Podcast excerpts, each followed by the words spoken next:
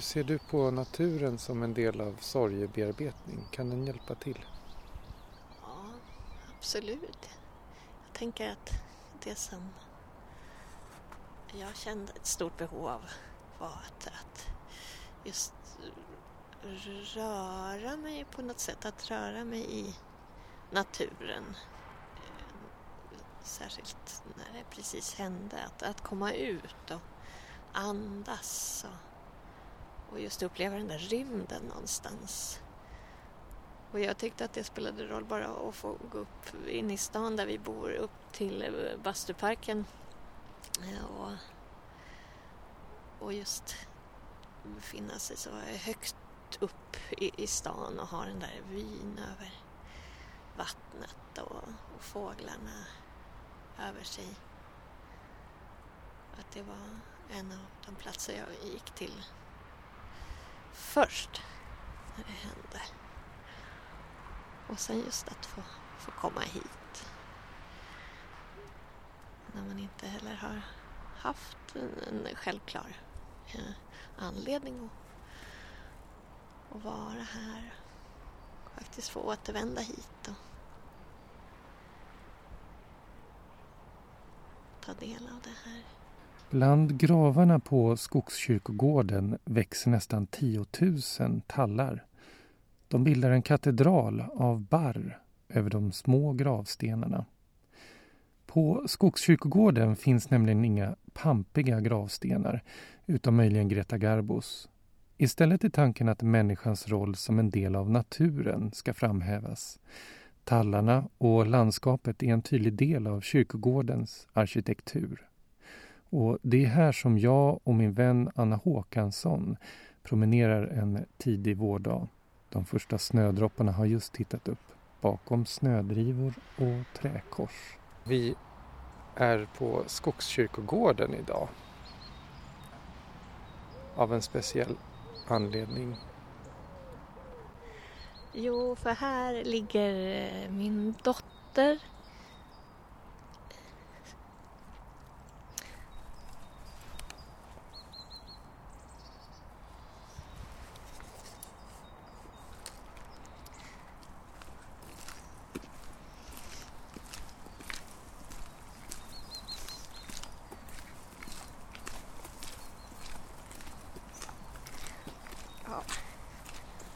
som eh,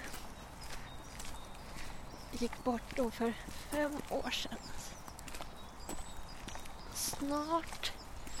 Och hon, hon dog då som i, i magen innan hon hann, hann födas. Precis. Eh, när hon var på väg att födas kan man säga. Och hon ligger här tillsammans med andra barn. Där många just har, har dött innan de har kommit till livet precis. Men även sådana andra små barn. Så det kallas för barnkvarteret här. Eh, och, och nu börjar vi precis komma in dit och det blir så tydligt för att det är som kontrast mot de andra gravarna här. Där de är så dekorerade med lyktor och gosedjur och eh, vindsnurror. Så här i den här delen så ligger de som det, jag minns det länge sedan de gick bort. Här är några nya gravar precis. Det blir väl alltid... Här är det halt. Ja. Det är fler och fler för varje gång man kommer hit. Bygget av Skogskyrkogården började för hundra år sedan, 1917. Gunnar Asplund och Sigurd Leverens, som var arkitekterna bakom förslaget, hade då vunnit en arkitekttävling med sitt förslag Tallum när kyrkogården invigdes 23 år senare hade bygget lett till sönderfallet av arkitekternas vänskap. Sigurd Leverens hade fått sparken och skulle åtminstone tillfälligt dra sig tillbaka från arkitekturen i över ett decennium. Gunnar Asplund å sin sida arbetade så intensivt att han dog några månader efter kyrkogårdens invigning 1940. Vi har ju Eh, precis bredvid oss en jättestor eh, stenmur. Det är väl gränsen för Skogskyrkogården. På andra sidan ligger det villor, villakvarter. Men det är ändå väldigt, känns väldigt avskilt ändå. Liksom, och, och lugnt och stilla. Ja, det är sällan någon passerar just här. Det är någon enskild joggare ibland. Jag menar, Mm. ja det, det är skönt här. Just när vi, när vi fick veta eh, på sjukhuset så, så, så var, hade de just en, en relation med Skogskyrkogården så att eh, vi blev erbjudna att få en plats här tidigt. Så det kändes så självklart att hon skulle vara här. Varför det? Just för att, inte för att jag har någon annan här men, men för att jag har varit mycket här och bara just tagit in den där stillheten som är här. Det är en sån oerhört vacker plats. Jag tänker att det är en av Stockholms vackraste platser. Och att det någonstans just handlar om det där med relationen mellan den, just någon slags mer vild och, och ålderdomlig natur i form av de här tallarna och, och just den här mänskliga ingreppen. Mm. Det finns en respekt för eh, naturen. Det är så, så stort. Lite som en nationalpark på något sätt. Mm. Ja, det är väl en national... eh, Ett världsarv är det va? Ja, just det. Det är det faktiskt. I USA finns det en skola som botar ångest. Det kanske inte låter så jätteanmärkningsvärt, men vad Waypoint Academy gör är att använda naturen som terapisoffa. Elever är tonårspojkar med ångest. En del tvingas åka hit mot sin vilja. Ofta vet de inte vart de är på väg, men slutmålet är klart. En stubbe eller klippa under trädens lugnande sus.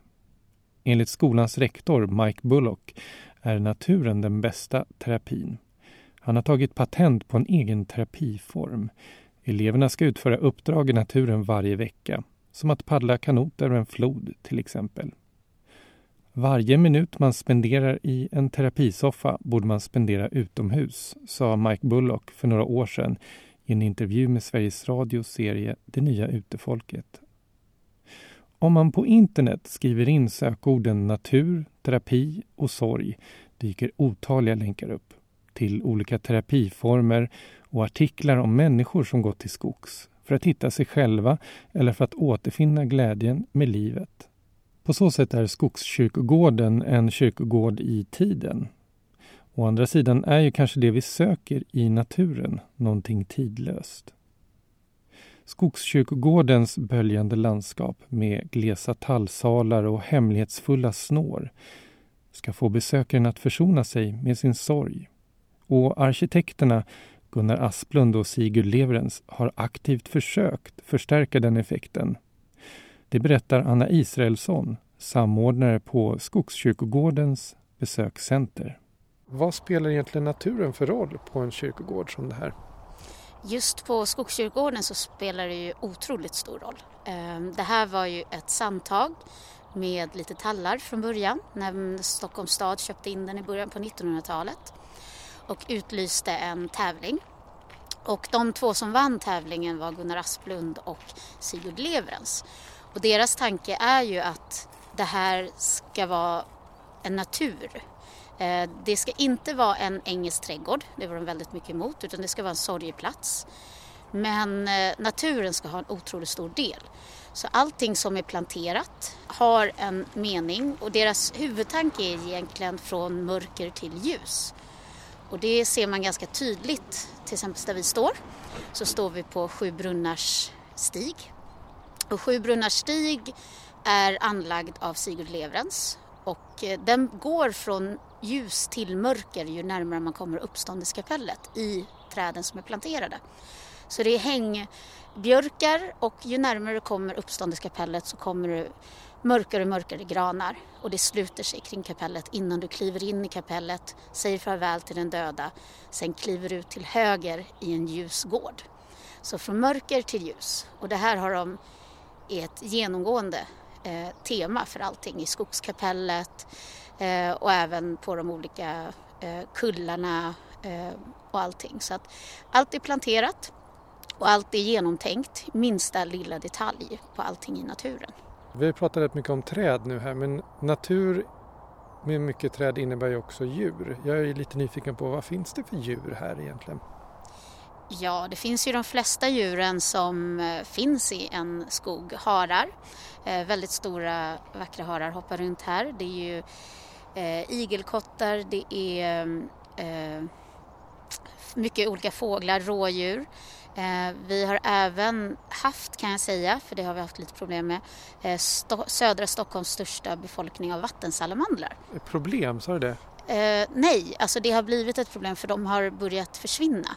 Så att eh, vad jag förstår av kyrkogårdsförvaltningen. Det har varit en väldigt stor eh, befolkning av vattensalamandrar fram till bara i år tror jag och då har de minskat i antal på sista tiden och det är väldigt tråkigt för de tycker, vi tycker om att ha dem här. Tycker ni också om att ha mycket rådjur här inne? De har ju en tendens att äta upp våra blommor som vi planterar. Överhuvudtaget i området kring här i Enskede så är det ju väldigt mycket rådjur och det är svårt att stoppa dem. Eh, men kyrkogårdsförvaltningen de håller koll eh, och det är faktiskt inte så vanligt att man ser rådjur eh, eftersom att de är så skygga och det är oftast väldigt mycket bilar, människor som springer, många som cyklar. Så de håller sig ganska väl borta. Men eh, det är gott med våra blommor som vi planterar. Eftersom det finns många djur här, eh, kommer det många människor hit som är intresserade av mer av naturen kanske än eh, av gravstenen och att sörja? Ja, det är ju främst är det ju ett, ett besöksmål för väldigt många som upplever det här som en väldigt frifri plats. Och det är ju även en plats dit fågelskådare kommer. Eh, brukar vara här tidigt på morgnarna och tittar och hittar speciella fåglar. Jag vet faktiskt inte vad de brukar hitta men, men det är en välbesökt plats från fågelskådarhållet. Du, det låter bra men jag är också lite nyfiken på att gå mot, mot de stora granarna. Precis.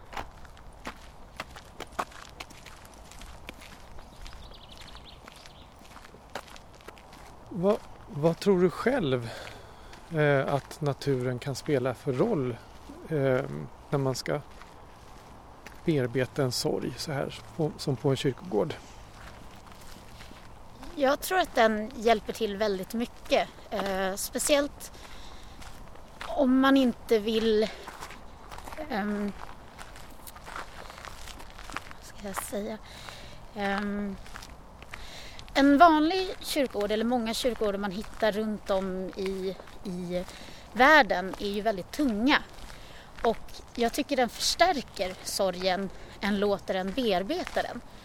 Medan på Skogskyrkogården så är naturen en läkande kraft. Och det känns inte lika tungt att komma hit och besöka ens nära och kära. Eh, utan det är en vilsam plats där man har, som jag sa tidigare, att det finns möjlighet till meditation och eftertanke snarare än att ständigt möta döden och det mörka. Så att det finns ju både och det här mörker och ljus och det, det understryks av naturen hela tiden och av fåglarna och av djuren och det levande kan man mm. säga. Tillbaks till Anna Håkansson och hennes dotter Edith. När Edith begravdes fick hon en julros som sällskap En julros som nu vuxit sig stor och stark. En murgröna klättrar på hennes gravsten. Eh, nu kommer vi fram vid Ediths grav. Och där är ju julbocken kvar. Jag tänkte Ja. att den kanske hade försvunnit. Den är inte riktigt lika dekorerad. Men är ganska fin ändå. Och där ligger en ballong. Finns det påskbockar? Ja, just det. Vi kanske ska låta den stå kvar. Ta med ett gult band istället och sätta om den. Och en julros. Och den har varit här ända sedan, sedan begynnelsen. Tillsammans med murgröna. Så vi ska ta och klippa den lite idag och se. Så att den piggnar till. Den blommar ju inte nu. Julrosen. Nej. Precis, jag vet inte. Men den är ju väldigt livskraftig onekligen. Mm. Den har tagit över hela graven. Men här märker man också att det är lite äldre gravar som inte är lika väl besökta alla. Det och, och just många där. Där gräset tagit över. Det är ju rätt fint det också faktiskt. Ja, det är det. FNs organisation för utbildning, vetenskap och kultur, alltså Unesco, utsåg Skogskyrkogården till ett världsarv 1994. Kyrkogården anses med andra ord vara ett kulturminne för hela mänskligheten. Ett kulturminne som numera också är hem för en bit av Fårö.